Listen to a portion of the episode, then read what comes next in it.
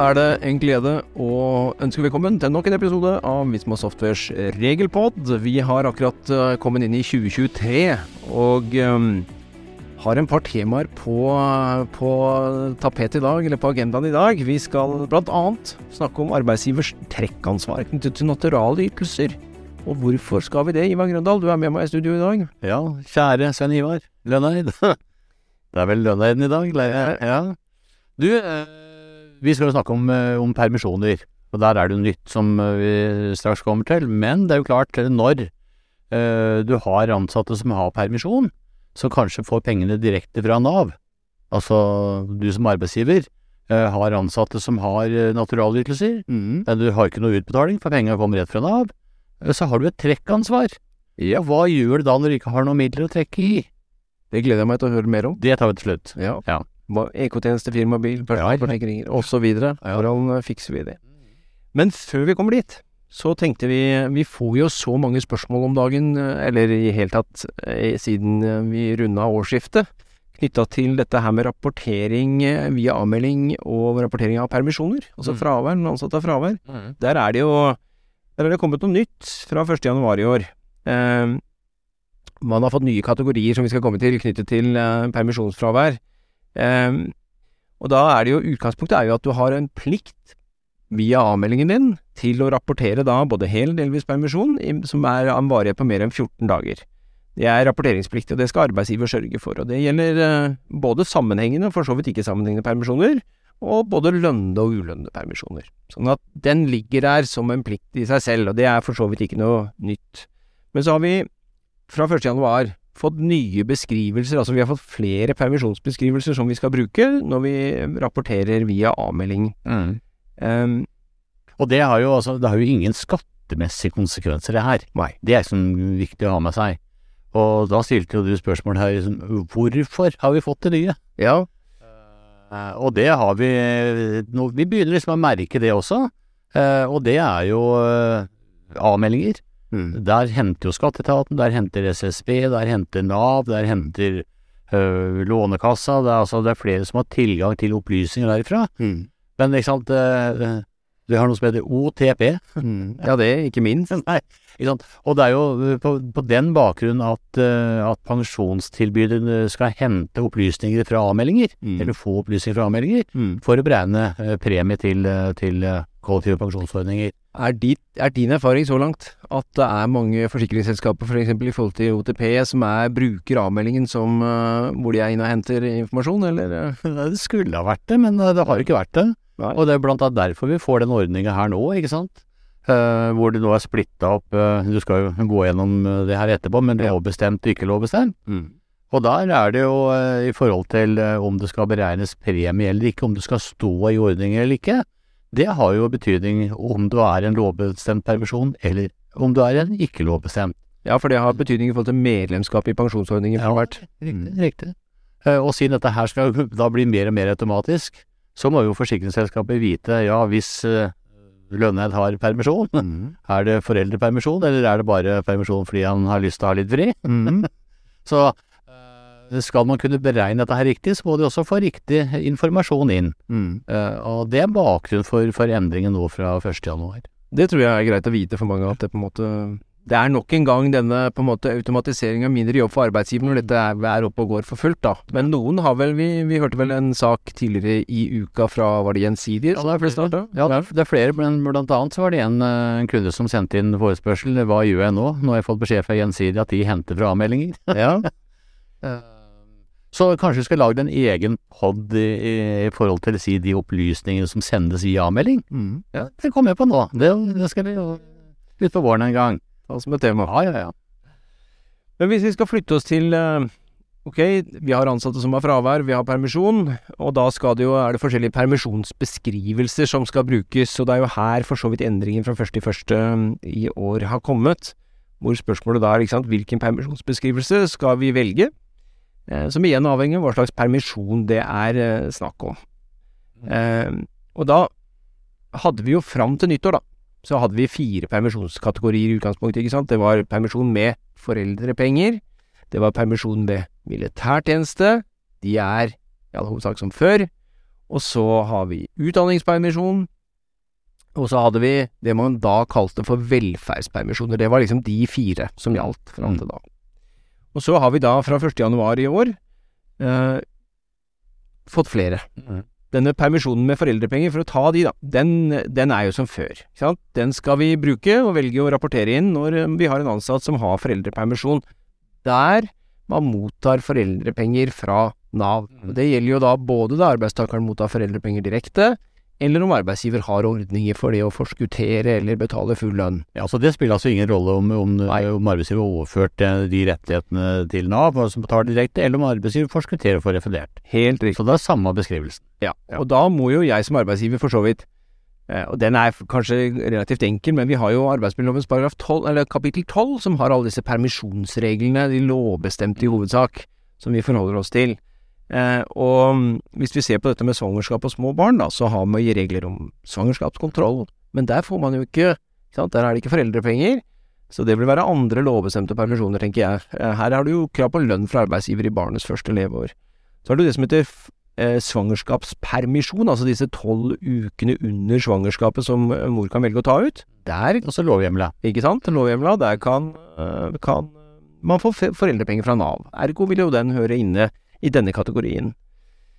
Så har vi eh, det man kaller fødselspermisjon, som er noe mor i utgangspunktet tar, og disse seks ukene ja, til fødsel. Det er ikke far. Nei, ikke far. Nei. så det, er, det er flere sånne begrep her. Det er, flere, det er svangerskap, og det er fødsel, og det er både det ene og det andre. Ja, ja. Det er viktig å ha med seg at fødselspermisjon, det er ikke fars. Nei, det er mor de seks ukene rett etter fødsel som mor skal ha. Ja. Eh, og da får man foreldrepenger fra Nav når man fyller de vilkårene etter folketrygdlovens kapittel 14, da, som er kronene, ikke sant. Og den vil høre hjemme i det er den eh, kategorien vi ser på nå.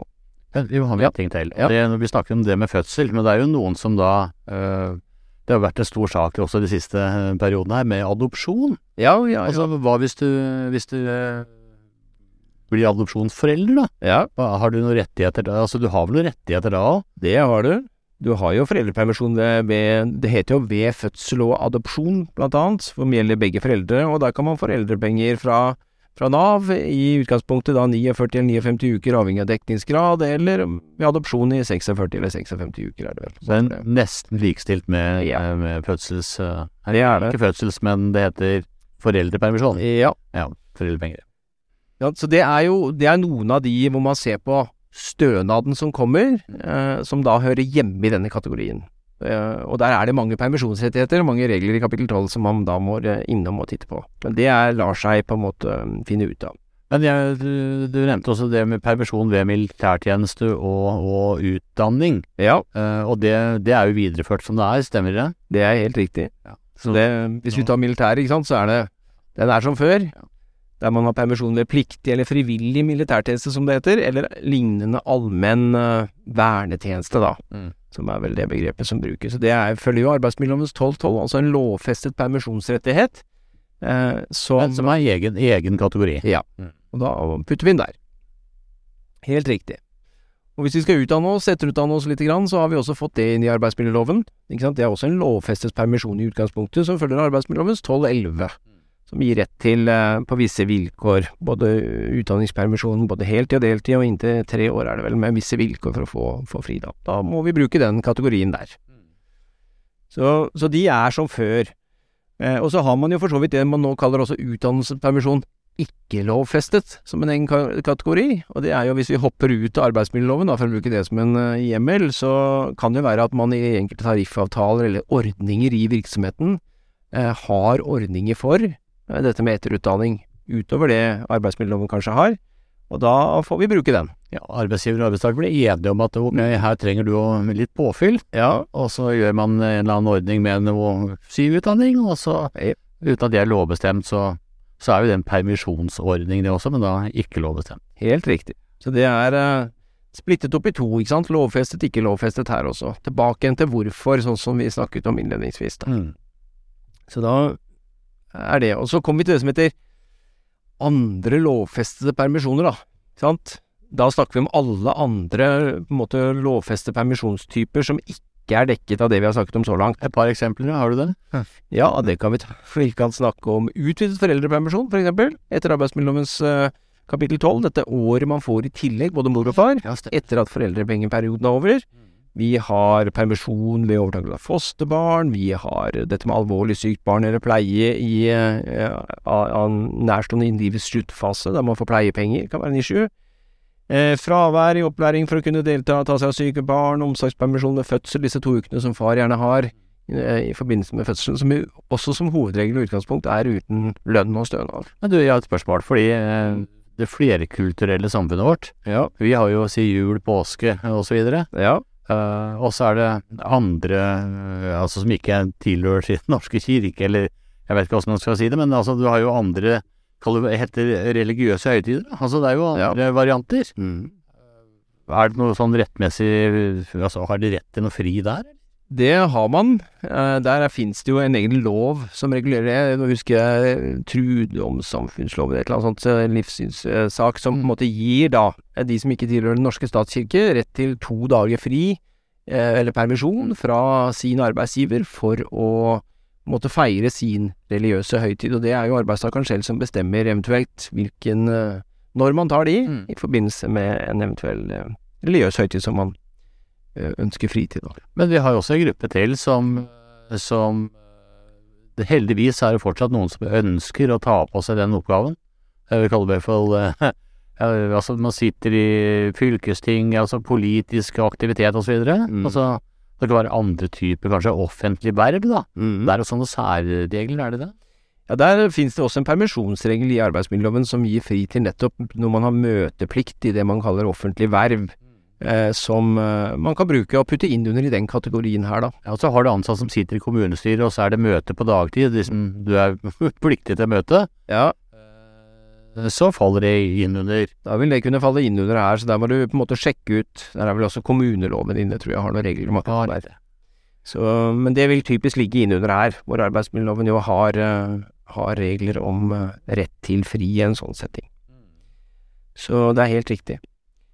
Eh, Og så er det ett spørsmål som jeg vet ikke Men i forhold til barn, barnepassers sykdom, altså når man får omsorgspenger, da mm. eh, det, Bak i huet mitt nå så mener jeg at dere, du og Monica har snakka om eh, at eh, da skal det ikke registreres som permisjon. Eh, Ja, det er helt riktig. Det man snakker om når arbeidstaker har såkalt omsorgsdager, altså hjemme ved kortvarig fravær, sykdom og sykt barn, eller ved barnepassets sykdom, så skal det ikke rapporteres. da skal det ikke rapporteres, nei. nei. Helt riktig. Så det er korrekt. Eh, så det er litt å holde orden på. Jeg tenker Som arbeidsgiver så skal man ha litt sånn koll på disse permisjonsordningene, eh, og passe på at man treffer riktig kategori, da, som utgangspunkt. Men eh, vi har jo altså ansatte som må ha fri reisebegravelse, Ja. Det kan være bryllup, jeg håper konfirmasjon eller dåp. Sjelden, men altså det er ikke uvanlig at ansatte har behov for noe fri i forbindelse med si begravelse, eller Helt. kanskje den, den andre enden, da, positive ting med bryllup osv. ja. Er, det- er, er det innenfor noe lovhjemle permisjon? Da er vi utafor lovhjemmel, da, vet du, over i det som tidligere var kategorisert som velferdspermisjoner, eh, og som nå går under kanskje det man kan kalle for andre ikke lovfestede permisjoner. Ja, riktig. Altså det var i velferdspermisjoner før, Ja. og er nå flytta inn i den nye gruppa som heter ikke Lovfestede permisjoner. Andre ikke lovfestede permisjoner. Så der eh, finner du eh, måte alle disse variantene som vi gjerne ramser opp ved velferdspermisjon, som er litt opp til den enkelte virksomhet å, å definere og, og um, forholde seg til. Mm. Så da skal vi dit. Så den er eh, Så der er det en endring. Det er greit å få med seg. Men vi får jo også en del andre spørsmål. Eh, vi fikk jo en eh, tidligst her nå om, om dette med en ansatt som skal ha permisjon for å jobbe hos en annen arbeidsgiver en periode. Mm. Et eh, halvt års tid. Da? hva skjer med arbeidsforholdet da? Altså, la oss si at eh, du, kjære, kjære sjefen min, Stian, jeg, kunne jeg fått eh, seks måneders permisjon? Jeg har fått uh, drømmejobben på Svalbard. Ja, Og så sier Stian, ja, det er helt greit, du skal få seks måneders permisjon. Hva gjør Visma ved mitt arbeidsforhold da? Her Blir det Det ligger i ordet permisjon. Det betyr at arbeidsforholdet ditt består i å fortsette i Visma, ikke sant. Så sånn formelt sett så er det fortsatt ansatt i Visma, men du har fått en permisjon. På lik linje med alle disse andre permisjonene i og for seg. Jeg får lønn og alt hos den nye arbeidsgiveren. Ja, så består, er du fortsatt ansatt i Visma. Ja. Du har bare permisjon et halvt år, hvis det er den perioden du skal være borte. Men i forhold til når man da skal rapportere via avmeldingen i perioden, så er det jo en litt sånn ulogisk greie som sier at uh, hvis dette er en, en, permisjon for å jobbe et annet sted, så skal du oppgi sluttdato i Visma på avmeldingen, uh, fordi da overføres jo det praktiske arbeidsgiveransvaret i perioden til ny arbeidsgiver som du er, har permisjon og jobber hos deg i perioden, og dermed så vil jo den arbeidsgiveren du er hos da, måtte rapportere løpende i avmelding. Men hvis man skal sette slutt dato ja. fra den dagen du da måtte starte permisjon. Ja. Da kommer også en, en, annen ting. Beklager hvis jeg banker bor der, og det dunker, men det blir, vi blir litt ivrige noen ganger òg. Fordi da blir jo spørsmålet, når du har lagt inn en sluttdato, så skal du oppgi årsak til eh, at man har gjort det. Ja. Og så har vi snakka tidligere om at hvis en ansatt dør, ja. Eh, så finnes det ikke noen egen sånn kategori for det. Nei. Da skal du oppgi at ansatt har sagt opp selv. Ja, det er liksom det nærmeste vi kommer. Ja, det er en sånn absurd merkelig setting, da. Ja. Men hvis jeg nå har permisjon hos en eh, hos min nåværende arbeidsgiver for å jobbe hos en annen, ja. og så skal jeg da legge en sluttdato, mm. og jeg har titta inn, jeg finner ikke noe sånn kategori som heter Ivar slutter fordi han har uh, jobber hos annen arbeidsgiver. Det er helt korrekt, den står jo ikke der. Nei. Og da er vi egentlig tilbake igjen til det, så lenge dette er en permisjon som kommer som et ønske fra arbeidstakeren selv, da, i utgangspunktet, og du innvilger det som arbeidsgiver, så er det den eneste vi har, det er jo denne at arbeidstaker har sagt opp selv, ja. i og med at man skal, opp, eh, man skal sette sluttdato for arbeidsforholdet. Men så det er liksom den praktiske løsningen, og det kan jo skurre litt for noen og hver, eh, fordi arbeidsforholdet, og det er viktig å presisere, består, du er fortsatt ansatt i den bedriften du har permisjon fra. Mm. Ja med rett til å komme tilbake igjen. Men det er jo litt skummelt, tenker jeg, hvis du sitter der som, som uh, kjører lønn da, og har HR-ansvaret, og så er det en ansatt som har fått permisjon, og så skal du legge inn sluttdato, og så må du velge at du har sagt opp sjøl, mm. som har det noen konsekvenser. Altså hvis du tenker sånn vanligvis, da, så ville jo det hatt konsekvenser for rett til dagpenger, ikke sant? Mm. Eh, om du er blitt sagt opp eller eh, mm. si opp selv, så har jo karensdager uh, og så videre. Ja. Nei, vi kan ikke trekke den type konsekvenser ut av selve rapporteringa her. Det hadde vært for gærent. For her, her, lever arbeidsforholdet i sin beste I mangel av bedre kategorier, da, så er det det vi sitter igjen med. Og det er, som det alltid er i, i jussen også, så er det på en måte livet går foran papiret, så det er realiteten i forholdet som, som gjelder. Ja, ja. Og man skal ikke være for redd for det. Vi skal ta én sak til. Og det er når man som ansatt kanskje har vært langtidssykmeldt og går over på arbeidsavklaringspenger. Da sier veiledningen til avmeldingen også at man skal bruke kategorien andre ikke lovfestede permisjoner. Skurrer litt det òg, i forhold til at du da fortsatt er sykemeldt, men at sykepengene stopper, du går over og tilretteleggingsplikten for arbeidsgiver gjelder jo fortsatt, men du går over på en annen type stønad. Ja, da er det løsningen. Man skal da føre det som en permisjon i avmeldingen fra arbeidsgiver. Så andre ikke lovfestede permisjoner er kategorien. Ja, for det er også viktig å ha med seg, tenker jeg, at når du har ansatte som har vært syk et år, mm. uh, og de går over på uh, arbeidsavklaringspenger, mm. uh, de er fortsatt syke, men arbeidsforholdet, det består. Det består. Til en av partene sier opp, har du sagt til meg. Ja, det er helt riktig. Ja. Så noen må bringe arbeidsforholdet til opphør, og det er ingen automatikk i det, og arbeidsavklaringspenger har på en måte det formål å bringe arbeidstakeren tilbake igjen på jobb fortsatt, sånn at du er ansatt helt til noen uh, uh, treffer en beslutning eller gjør en handling som gjør at arbeidsforholdet opphører. Eller det, nå, nå, nå, nå, vil jeg ikke mer, nå ja, jeg. ja, det er også mulig. Kunne jeg få det skriftlig, takk? Ja, da. Men uh, det var permisjoner og litt om avmelding. Jeg tenkte vi kan um, la den ligge derfra, og så gå over til dette som vi starta med i dag. Dette med arbeidsgivers trekkansvar knyttet til naturalytelser. Og la oss si jeg har EK-tjeneste, og så fortsetter jeg å ha den mens jeg er sykemeldt.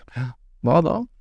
Nei, for å si det sånn, hvis du får, uh, har arbeidsgiversabonnement 366, så løper det videre. Hvis du har uh, brukt opp, altså hvis du har uh, får refundert, så kan du ha nådd 4392 før du går ut i permisjon. Mm. Da har du en Lena-betydning, for da er det jo ikke Da er det ikke noe pliktig lenger. Nei.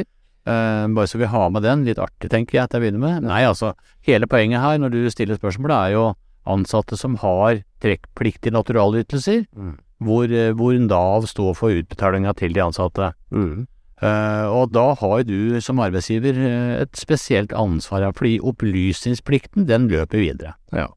Ikke sant? Så har du ansatt med firmabil, har du ansatt som har EK-tjeneste som er skal hatt med uansett, eller uh, hva du nevnte på morgenen i dag? Ikke morgenen, men i stad, mener jeg. personellforsikringer. Ja, ja, for eksempel, Ja. eksempel. Ja. De løper jo gjerne videre. Ja. Eh, og så er det ingen midler å trekke i. Eh, da har du en plikt som arbeidsgiver Ja. til å gi beskjed til skatteetaten at eh, her er det ytelser. Jeg har ikke noe å trekke i. Mm. Og da er spørsmålet hvordan skal du gi den beskjeden? Ja.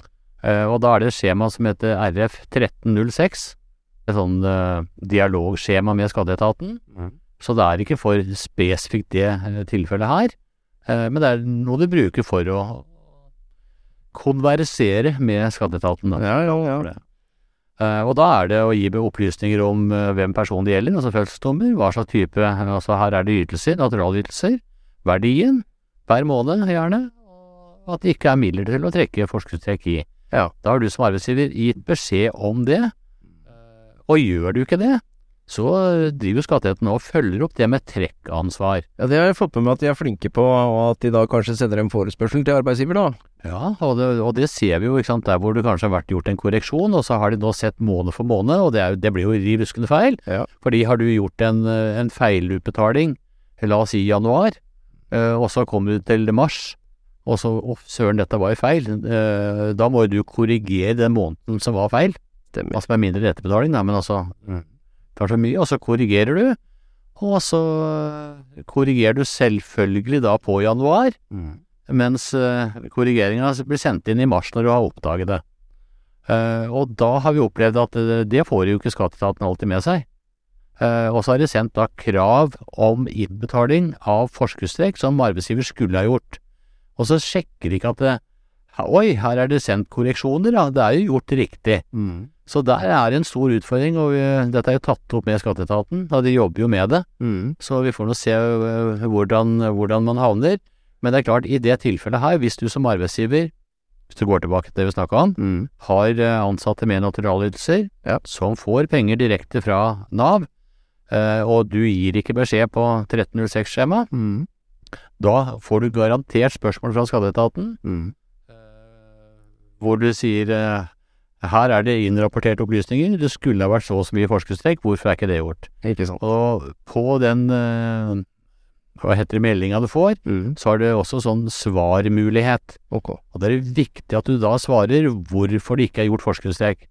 Og hvis ikke, så blir du gjort ansvarlig til å betale inn det forskuddstrekket med de utfordringer det medfører å få tilbake fra de ansatte. Ja, for du da, det er arbeidsgiver som blir For arbeidsgiver har jo trekkplikten. Yep. Ja. Så øh, om du skulle glemme det, så får du nok øh, et varsel fra Ja. skatteetaten at øh, hva er det du driver med nå? Og det er kanskje bra at de er litt på Definitivt. det. Definitivt. Men uh, de har en liten vei å gå, da, for å si Ja. sånn. Så RF 1306 kan kontaktskjema. Ja. Uh, der kan du ta og gi beskjed, og så slipper du antageligvis da henvendelsen fra skatteetaten. Og det skjemaet ligger ute på skatteetaten.no. Yes. Mm. Så bra. Skal vi ehm, Det var oppklarende. Skal vi, skal vi ta med et tema til? Jeg tenker dette med skatteregler eh, der man har eh, Vi har jo en subsidiert kantine i forhold til lunsj, og vi går og spiser eh, litt mat i hver dag. Hvordan er disse skattereglene knytta til det der? Ja, vi får noen spørsmål om det.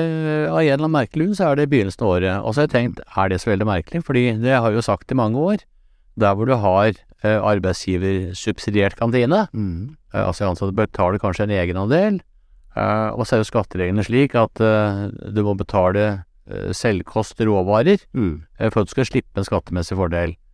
Eh, og da må jo arbeidsgiver i regnskapet finne ut hvor mye har vi betalt for innkjøp av matvarer, og så må de finne ut hvor mye har de ansatte blitt trukket kantinetrekk gjennom året. Eh, og så har jeg alltid sagt at det er kanskje greit å sjekke når året er ferdig, da. Eh, for her skal det være er lik så godt som mulig imellom kostnader, kantinetrekk. Og hvis det ikke er det, da må du finne på noe annet. Enten så må du ha dårlig kvalitet i kantina, eller så må du trekke mer. Ja. ja. Uh, og jeg tenker nå som eh, si, matvarepriser og alt har stiget, altså priser har stiget, Ja. så er det kanskje viktig at man gjør den sjekken nå. Ikke sant? Uh, hva, hva er kantinetrekk hos oss? Er det 300, 400, 560 kroner per måned? Eh, og hva koster innkjøp av råvarer? Ja. Så det er ikke noe du må gjøre på årsbasis, om du så kanskje tar de to siste månedene, tre siste månedene, eller før. Men i hvert fall så er det viktig at man tar den, den sjekken, og Ja. derfor har jeg sagt gjør det gjerne i januar, da. hvis du ikke gjør det ellers i året. Eh, og da er det jo altså arbeidsgiverfinansiert eh, kantine, er jo det vi kaller det. Ja. ja. Det er korrekt. Eh, Og da kan jo arbeidsgiver dekke driftskostnader i kantina, eh, lønn til de som jobber der. Er det satt bort et sånt cateringselskap, er ikke det de kaller det? Jo. Eh, Så er det viktig at man da får splitta opp regning fra cateringselskapet. Ja. Hva som er eh, kostnader på, på råvarene, Ja. og hva som er andre kostnader. Ja. Og blir ikke det splitta, så må du se hele, altså du, der betyr arbeidsgiver, Ja. se hele eh, regninga under ett. Og det er det de ansatte da må dekke. Ja. Og det er jo en dårlig deal. Ja. Så viktig at man får den splitta opp, og det tror jeg du Altså, dette veit jo cateringselskapene, så de, de splitter vel opp det her. Ja. Eh, og så er jo spørsmålet, jaha, vi- får dette her veldig ofte. Eh, vi har 300 kroner i kantinetrekk, er det nok? Per måned, jo. Per måned, ja. Mm. 300 kroner per måned, er det nok? Hva svarer du da? Det er jo Jeg ville vært litt forsiktig med det, øh, og si at det er nok i en måned. Men Og hva må du sjekke om det er nok eller ikke? ja, da må jeg Jeg ville sagt 50 kroner i fordel per dag. 50 kroner i fordel per dag, ja. Mm. Det første du må sjekke er jo hva koster innkjøp av råvarer. Ja. Så hvis innkjøp av råvarer er mindre enn 300 kroner, Mm. da holder det med 300 kroner. Ja, ikke sant? Så hvis innkjøp av råvarer er mer enn 300 kroner, Ja.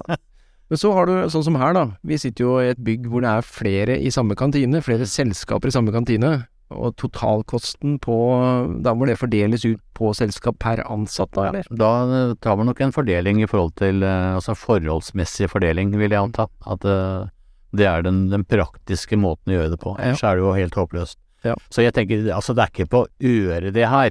Men det viktigste er at arbeidsgiver gjør noe med det. At du har en si, kall det for noenlunde kontroll på hva innkjøp av råvarer er, Ja. og hva de ansatte da trekker. Så om du trekker 300 eller 400 eller 500, det er ikke det som er avgjørende. Det avgjørende er hva koster innkjøp av råvarer, Ja. og det er det du da må trekke. Og ta gjerne den kontrollen nå. Hvis du eksempel ikke har noe egenbetaling fra de ansatte, da var du inne på den satsen, og den var 50 kroner. Ja. Det var 49 i fjor, Ja. men fri kost ett måltid er 50 kroner I 2023. i 2023. Mm. Uh, og en liten ting til slutt, Mm. før vi setter på noe musikk igjen. Ja. Ja, jeg syns den er så fin, den musikken, så jeg sitter liksom nesten og gleder meg til vi skal avslutte, vet du. Men uh, i de tilfellene hvor du ikke trekker nok, la oss si at uh, kantinekostnadene eh, tilsvarer eh, 60 kroner per dag, Mm. Og så har du en egenandel på 40. Ja. Da er det 20 kroner som du ikke dekker, men du dekker tross alt eh, 40. Eh, hva skjer da? Jo, eh, her er det delvis fri kost, verdien 50 kroner. Mm. Jaha, det er 50 kroner, ja. Ok, er det noe egenandel her? Ja, jeg betaler 40. Ja. Da får du fradrag på de 50 med 40 kroner, ergo er fordelen 10 kroner. Det er spesielt. Så for spesielt interesserte, ta kontakt, så skal vi, kan vi gå gjennom det. Men eh, hele poenget er, Mm. har dere subsidiert kantine, finn ut hva er de ansatte trukket, hva er innkjøp av råvarer, og vi veit at den, de prisene har gått opp, Ja. eh, og da bør man kanskje justere kantinetrekket, men det er en kontroll de bør gjøre nå. Ja, Og det er litt derfor vi tar temaet nå, fordi vi har jo varsla, dagligvarebransjen har jo varsla økte matvarepriser fra 1. februar, så derfor eh, kunne det være greit å minne litt om dette her. Ja, At man har en årlig sjekk på det, syns jeg Ja. er greit. Smart. Jeg skal jeg ta med én ting til, jeg knyttet dette med permisjonskategorier. For vi eh, må jo bare nevne at vi har selvsagt oppdatert eh, lønnssystemene til Vismap knytta til de nye kategoriene, sånn at det ligger riktig i systemet når de skal Mm. rapporteres. Og så har jeg også lyst til å minne om en ting til, helt avslutningsvis. Neste regelpod så får vi jo besøk av et selskap som kaller seg Equality Check. Ja, hva er det egentlig? Ja, det skal du få vite mer om når eh, vi spiller, kommer til neste pod. For det har noe betydning for systemet, har det ikke det? Ja, det inkorporeres, implementeres i Visma Payroll, blant annet, og er jo en plikt arbeidsgivere må foreta hvert år. Dette med equality check. Så vi, Du, er inne på noe sånn likestilling eller noe? ja, ikke Du er på sporet. Å, spennende. Det er bare å glede seg. Da mm, Men det blir neste pod, og med det så sier vi eh, takk for eh, i dag til alle lytterne våre. Ha en fortsatt fin dag.